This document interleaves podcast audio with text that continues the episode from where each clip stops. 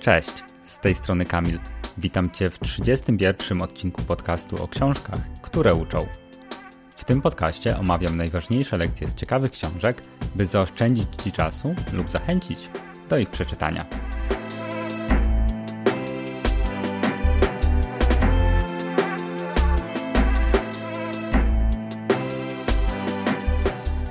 Jeśli tworzysz treści, robisz badania naukowe, projektujesz, programujesz lub wykonujesz na co dzień zajęcia, których celem jest otrzymanie konkretnego produktu, to dzisiaj opowiem Ci, w jaki sposób zwiększyć skuteczność Twoich działań.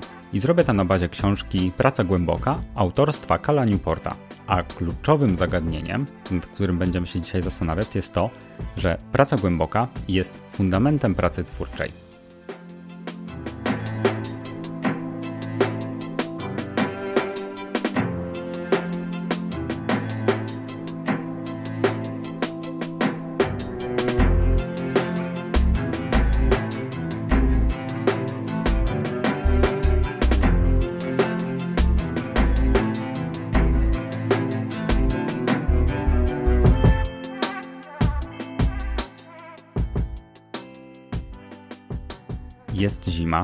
Rok 1974.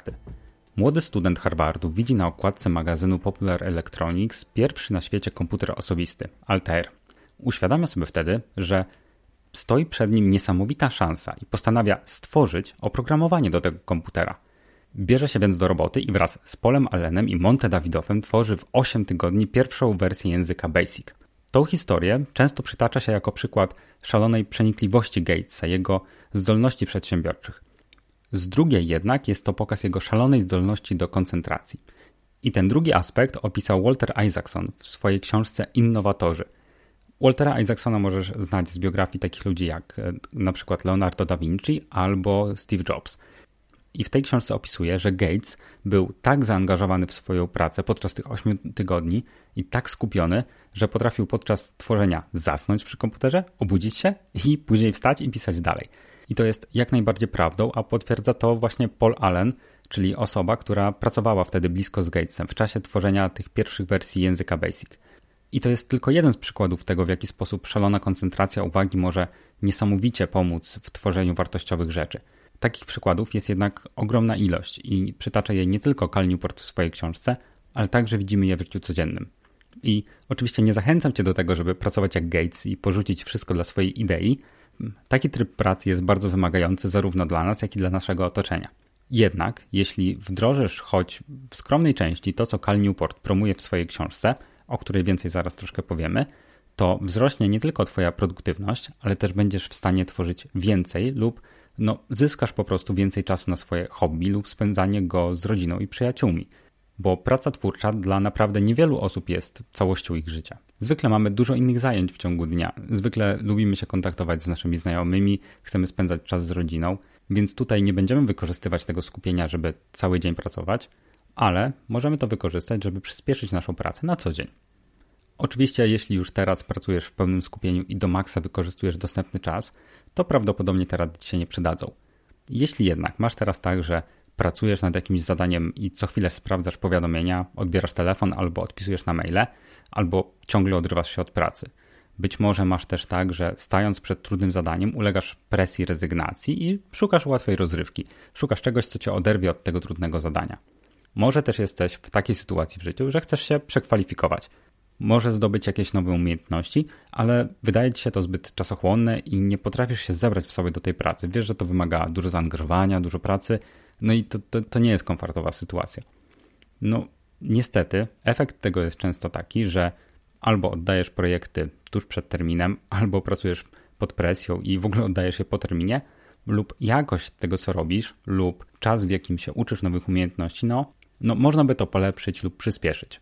Więc jeśli chcesz tworzyć na najwyższym poziomie, dotrzymywać terminów, pracować w skupieniu i skutecznie wykonywać swoją pracę, lub po prostu szybciej przyswajać wiedzę i wykształcać nowe umiejętności, to książka Praca Głęboka jest zdecydowanie dla Ciebie. Jej autor, czyli Cal Newport, o którym mówiliśmy już w poprzednim odcinku podcastu, omawiając jego książkę So Good They Can't Ignore You, mówi w tej drugiej już swojej, znaczy drugiej, piątej właściwie publikacji, między innymi o tym, dlaczego umiejętność pracy głębokiej, czyli pracy w skupieniu nad twórczymi zadaniami, i to jest koncept, który on jakby sam wykształcił i sam go promuje, daje ci przewagę na rynku, taką realną przewagę. Mówi też o tym, jak różne znane osoby podchodziły do tworzenia i do produktywnej pracy. Omawia też, jakie sposoby stosowali, by się skupić i jak ty możesz zastosować je w swoim codziennym życiu. I to jest właśnie mój, moim zdaniem taki najważniejszy element tej książki. Mnogość przykładów i historii twórców, których tryb pracy odzwierciedla właśnie idea pracy głębokiej. Pracy w pełnej koncentracji i w pełnym skupieniu. I są to chociażby takie osoby jak Carl Gustav Jung, Bill Gates, Jane Rowling, Theodore Roosevelt, Peter Higgs czy Adam Grant. I sam autor też jest całkiem dobrym przykładem, bo tak, jest, nie jest dość stary, akurat musiałbym sprawdzić ile ma lat, ale jest profesorem informatyki na Uniwersytecie w Georgetown. E, jest autorem obecnie już sześciu książek, gdzie najnowsza, Cyfrowy Minimalizm, ukazała się na początku tego roku. To nagrywamy w 2019, więc to na początku tego roku. I jest też twórcą bloga StudyHacks, na którym omawiał skuteczne techniki uczenia. Jak więc słyszysz, jest osobą, której myślę warto zaufać. Już na samym jego doświadczeniu możemy się sporo nauczyć, a co dopiero na przykładach, które przytacza. I właśnie dlatego, że ta książka jest moim zdaniem całkiem wartościowa, to stwierdziłem, że chciałbym z niej wybrać takie kilka najważniejszych elementów. Cal Newport opisuje wiele różnych metod i koncepcji, ale żeby oczywiście nie zajmować Ci kilku godzin słuchania, to wybrałem z tej książki takie kluczowe zagadnienia, które moim zdaniem najbardziej lub najłatwiej pomogą Ci wdrożyć w życie zasady, które w swojej książce przedstawia. Wybrałem takie trzy, moim zdaniem kluczowe i wystarczająco proste do wdrożenia zasady, byś mógł je zastosować jeszcze dzisiaj, zaraz po przesłuchaniu tego odcinka i żeby faktycznie wprowadziły jakąś realną korzyść, jakąś realną wartość do Twojego życia. Także lecimy. Trzy takie, myślę, najistotniejsze rzeczy, które wyniosłem z książki Praca głęboka autorstwa Kala Newporta.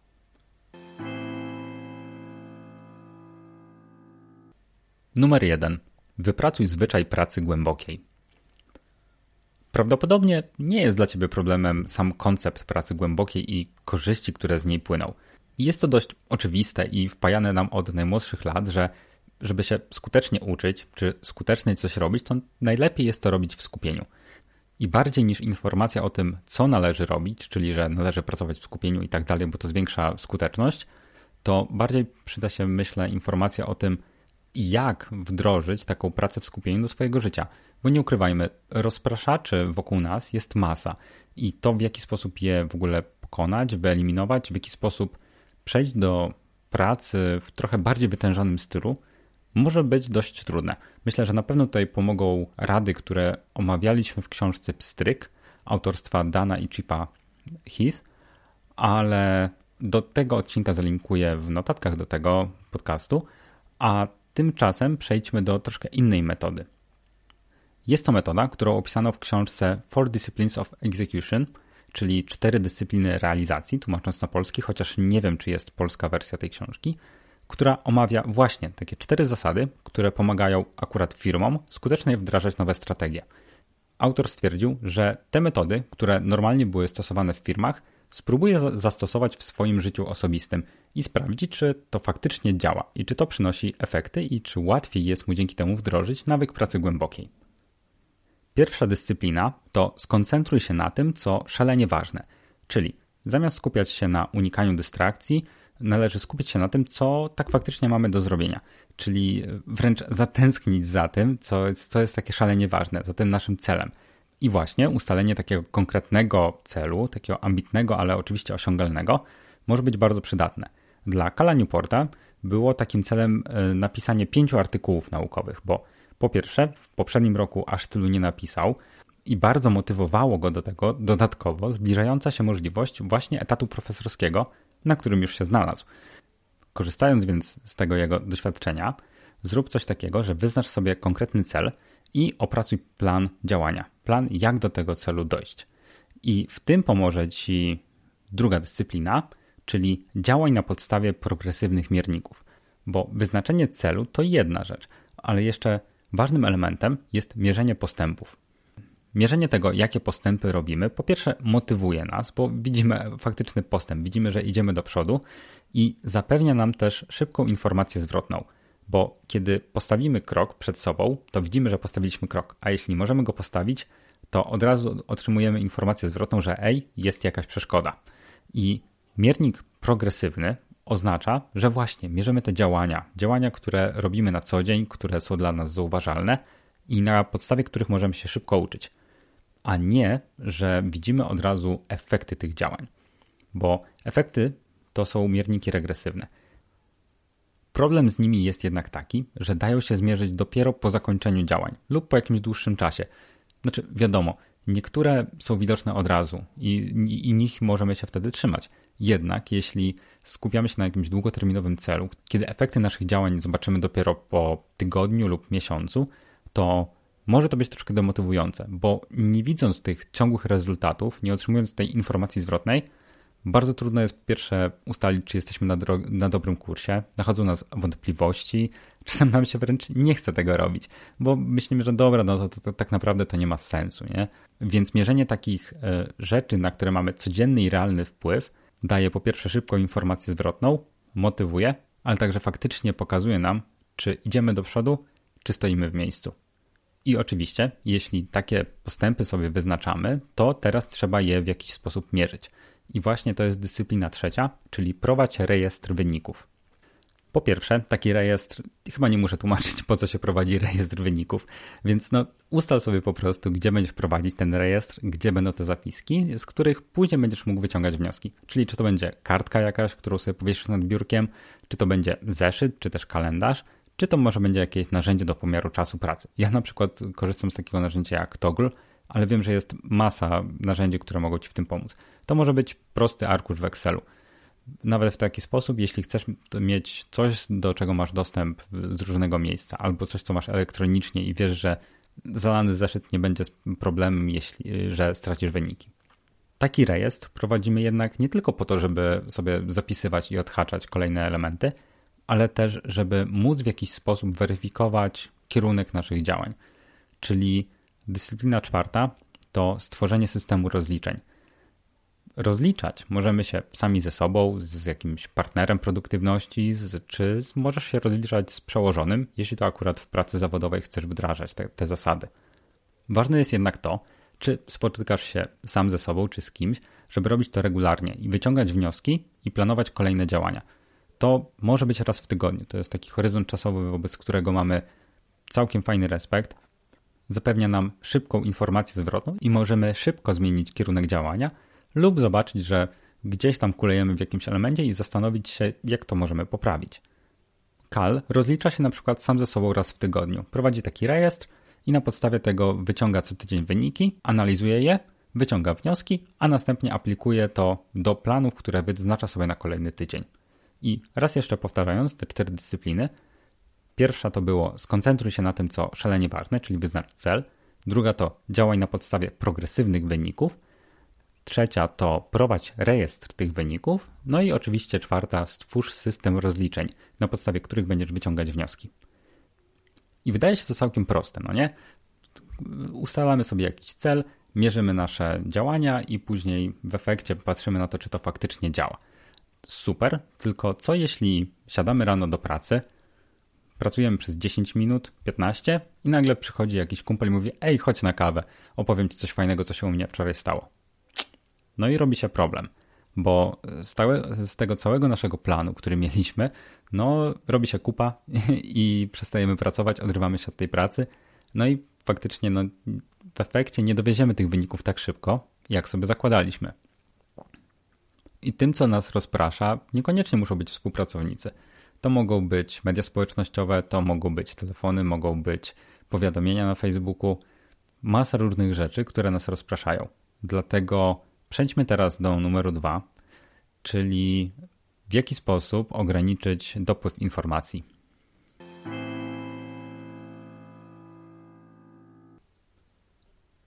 Lekcja numer dwa. Ogranicz dopływ informacji. Promuje się ostatnio bardzo często rezygnację z mediów społecznościowych. Nie wiem, czy w Twoim kręgu znajomych również to akurat tak działa, y, ale u mnie to jest bardzo częste i jest wiele osób, które po prostu na miesiąc na przykład całkiem się odcinają od mediów społecznościowych. Nie, nie od ludzi całkiem, ale właśnie od, od tego, co się dzieje w internecie. I No fakt, no, social media to całkiem niebezpieczne miejsce. Akurat problem z nimi jest taki, że są tak skonstruowane, żeby nas trzymać w swoim systemie jak najdłużej. Nic więc dziwnego, że wiele osób ma z tym faktyczny problem i uzależnienie od internetu czy od właśnie mediów społecznościowych to już nie są jakieś śmieszki, heheszki, tylko to jest realny problem dużej rzeszy ludzi.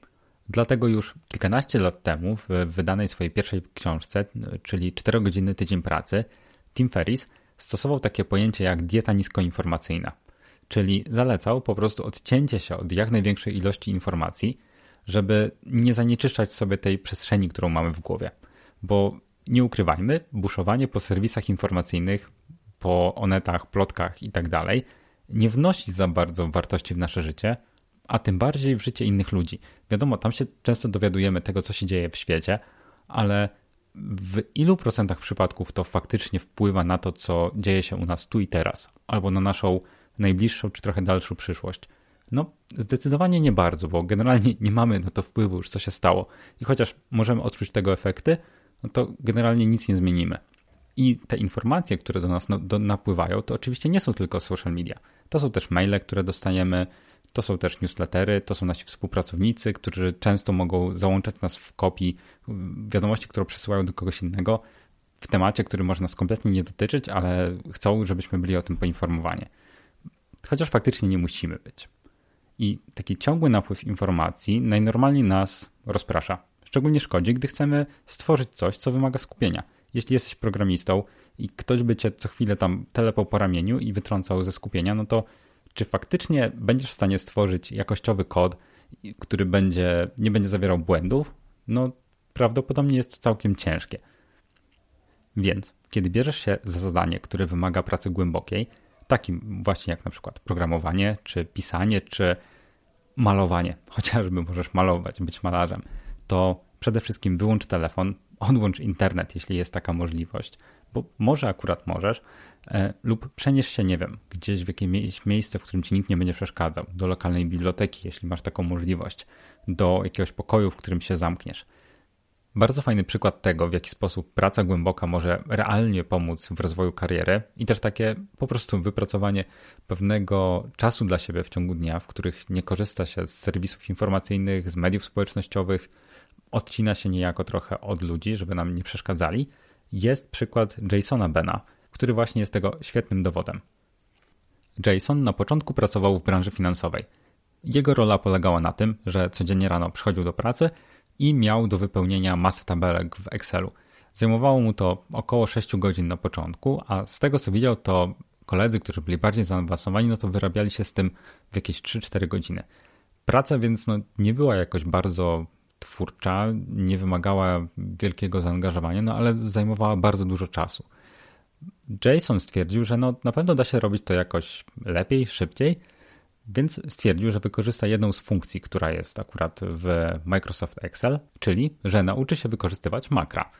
I dzięki temu trochę się poduczył i zaczął ulepszać swoją pracę.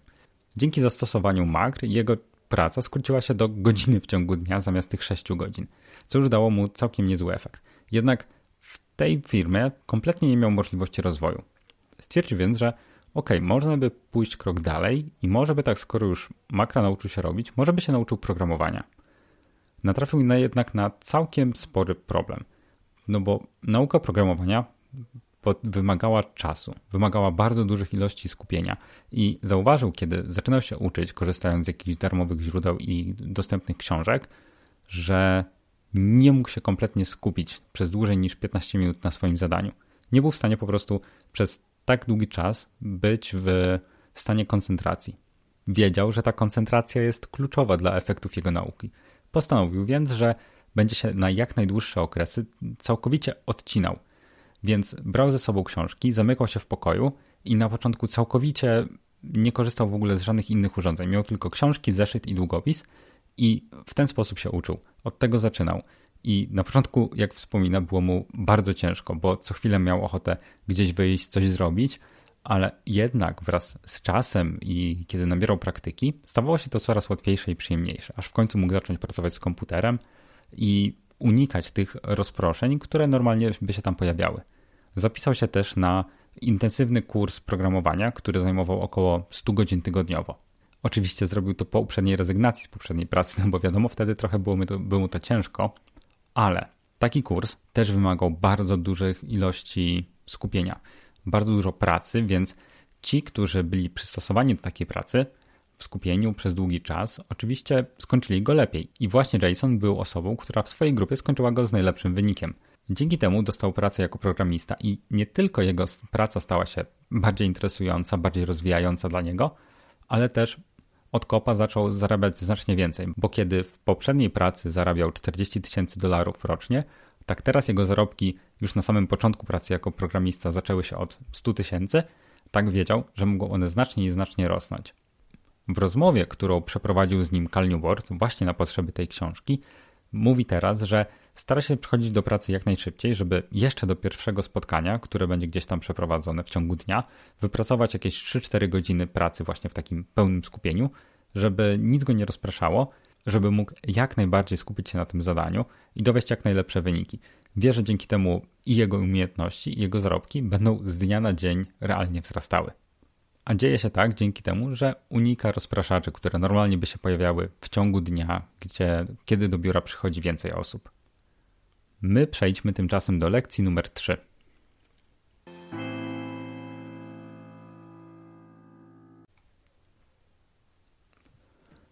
Lekcja numer 3. Narzuć sobie ograniczenia. Cal Newport, czyli autor naszej wspaniałej książki, kończy pracę o 17.30. Później nie robi rzeczy związanych z jego obowiązkami zawodowymi. Wiadomo, nie dotyczy to książek, które pisze, czy blogów, które prowadzi, bo to są jakby rzeczy poza jego obowiązkami zawodowymi, ale rzeczy związanych z etatem profesorskim. I to jest coś, co nazywa regułą stałego rozkładu dnia, czyli narzucenie sobie pewnego ograniczenia, które zmusza nas do szukania rozwiązań i wypełniania czasu, który mamy dostępny, tylko tymi najważniejszymi zadaniami. I ta reguła, od razu kiedy o niej przeczytałem, bardzo mi się dobrze skojarzyła, bo to jest coś, co stosowałem w mojej poprzedniej pracy. Miałem wtedy tendencję do po prostu zabierania tej pracy ze sobą do domu, czyli pracowałem 8 godzin w biurze, później jeszcze tam 2-3 godzinki w domu. No taka norma, no bo przecież zawsze było coś do zrobienia, zawsze można było zrobić coś więcej, wysłać więcej ofert, skontaktować się z większą ilością klientów, zrobić więcej projektów. Proste. Ale po jakimś czasie zaczęło mnie to strasznie męczyć. No jednak jest coś takiego jak wypalenie zawodowe, no nie? Kiedy pracujemy zbyt dużo, to stajemy się, no ta praca zbytnio nas przytłacza. Ustaliłem więc, że nie będę ze sobą zabierał do domu komputera. A ponieważ to był mój jedyny komputer, z jakiego wtedy korzystałem, no to nie miałem po pracy szans no, nic zrobić dodatkowego. Żadnych dodatkowych projektów, żadnych dodatkowych ofert. Choćby się waliło i paliło, no to po prostu nie byłem w stanie. Oczywiście na szczęście nic takiego się nigdy nie stało i akurat w, jeśli o mnie chodzi, to, to rzadko coś takiego było. I oczywiście nie stosuj tego, jeśli w Twoim przypadku coś się może walić i palić. Ale właśnie przy tej okazji mojego sposobu podejścia do, te, do tego bardzo uwoliło mi to czas, bo zmusiło mnie to do takiego wykorzystania tych 8 godzin w biurze, żeby wyrobić się ze wszystkimi ważnymi zadaniami. Wcześniej miałem właśnie tendencję do mówienia, że no spoko, to dokończę to sobie w domu. A tak, kiedy wiedziałem, że w domu po prostu nie istnieje, to czułem realną presję, żeby wyrobić się w tym terminie, wyrobić się do tej 16. I jeśli miałem jakiś projekt lub wycenę, to wtedy skupiałem się maksymalnie na tym i inne sprawy musiały poczekać, bo wiedziałem, że jest coś, co jest ważne i jeśli coś może zostać odsunięte na jutro, no to sorry, ale to pójdzie na jutro. Tak po prostu. I Zachęcam Cię może nie tyle do tego, żeby faktycznie to robić tak na stałe, może akurat nie jesteś w stanie tego robić, bo czasem wymagane jest od Ciebie to, żebyś, nie wiem, o 20 albo o 21 coś zrobił i potrzebujesz komputera, ale zachęcam Cię jednak do spróbowania tego podejścia, bo myślę, że to jest coś całkiem ciekawego. Nawet jeśli po pracy tworzysz coś swojego, tak jak ja w tej chwili nagrywam podcast, to daj sobie pewien limit czasu. Może to będą dwie, może trzy godziny dziennie, i, jeśli masz tendencję do tego, żeby właśnie czas swojej pracy rozwlekać do późnej nocy, to właśnie przetestuj takie ograniczenie i sprawdź, co się stanie. A później daj mi o tym znać. Po prostu daj sobie tydzień i pracuj nad jakąś tam rzeczą, jak to sobie ustalić przez określony czas i zobacz, czy to zwiększy Twoją produktywność, czy nie. Albo ustal sobie, że robisz coś tylko do konkretnej godziny, że po tej godzinie to jest zakazane i kompletnie nie możesz siadać. Co ciekawe, takie ustalenie stałego czasu w ciągu dnia na pewne rzeczy może Ci pomóc nie tylko w bardziej produktywnej pracy, kiedy masz się skupić na jakimś zadaniu, ale także w ograniczeniu dopływu informacji. Na przykład, kiedy korzystasz z różnych mediów, to wiadomo, im więcej komunikacji wymaga Twoja praca, tym będzie tego więcej, ale ważne, żeby na przykład ustal sobie, że są stałe godziny w ciągu dnia, podczas których odpowiadasz na maile albo podczas których korzystasz z Messengera. Ustal, nie wiem, z osobami, które e, są Ci jakoś bliskie i które mogą mieć do Ciebie faktycznie pilną sprawę, że hej, jak jest coś pilnego, to do mnie dzwoń. Jeśli to nie jest pilne, to napisz. Napisz mi na Messengerze, napisz SMS-a, a ja wtedy, kiedy będę miał czas, to Ci odpiszę. W innym wypadku po prostu chciałbym się skoncentrować maksymalnie na tym, co robię, więc będę wdzięczny, jeśli będziesz mi, e, jeśli mi w tym normalnie pomożesz. Większość osób, większość osób prawdopodobnie nie będzie mieć z tym żadnego problemu, także będzie ok, a będziesz wiedzieć, że ok, jeśli jest coś pilnego, no to wtedy dzwonią i, i wtedy jest czas, żeby odebrać, bo to jest naprawdę ważne.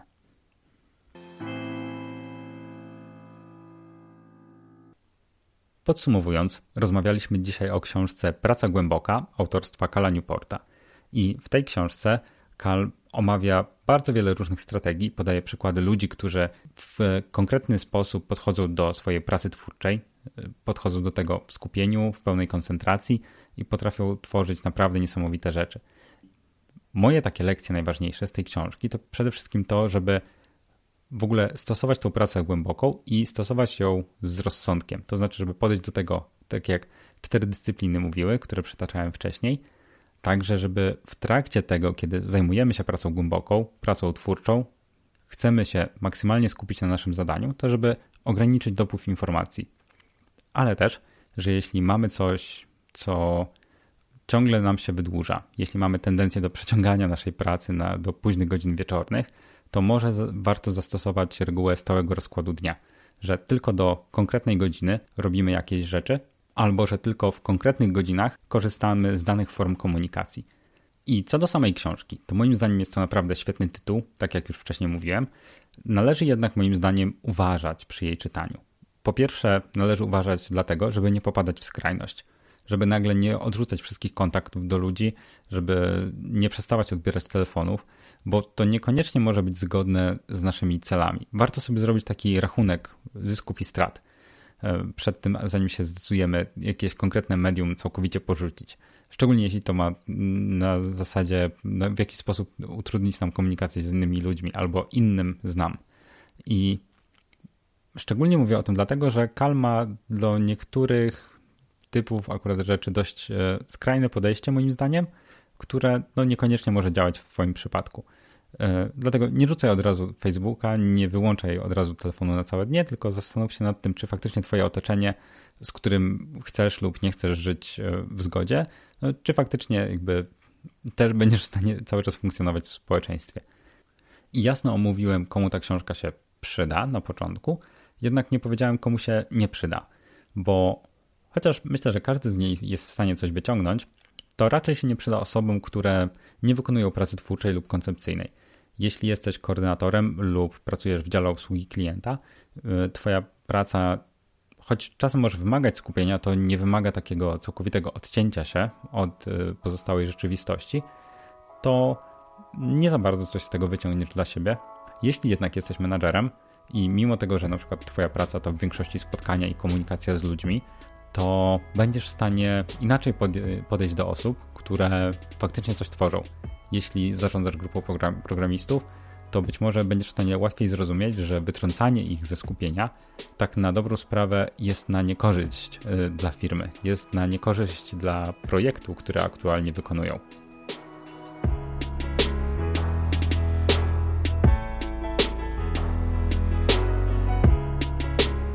Mimo tego chciałbym, żebyś zapamiętał najważniejszą rzecz, czyli to, że praca głęboka zwiększa skuteczność Twoich działań twórczych, szczególnie jeśli pracujesz twórczo i nie warto się zajmować innymi rzeczami, rzeczami mniej istotnymi, dopóki to, co jest najważniejsze, nie jest zrobione. Zachęcam Cię więc, żebyś zastosował być może w tym tygodniu, właśnie jeden z tych, e, jedną z tych lekcji, które Ci przytaczałem, um, zastosuj ją przez tydzień. To jedną z tych porad i daj mi znać, jak to wpłynęło na Twoją skuteczność, na Twoją produktywność. Daj mi znać, czy to faktycznie Ci pomogło i czy widzisz realny wpływ na to, czy to po prostu autor sobie wymyślił z nie wiadomo skąd i to tak, tak naprawdę nie działa. Będę wdzięczny, jeśli się podzielisz ze mną tą informacją. Najlepiej napisz do mnie na maila kamilmałpa książki, które Oczywiście możesz też zostawić swój komentarz pod wpisem do tego odcinka na stronie książki, które uczą.pl. Oczywiście link do całości książki znajdziesz zarówno w e, opisie do tego odcinka, jak i w notatkach na blogu.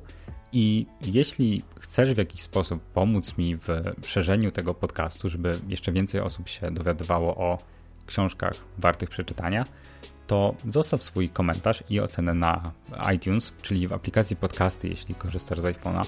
Będę Ci za to bardzo wdzięczny, bo ponoć to realnie wpływa na to, że ten podcast widzi więcej osób. To będę Ci po prostu, no, no będę bardzo wdzięczny.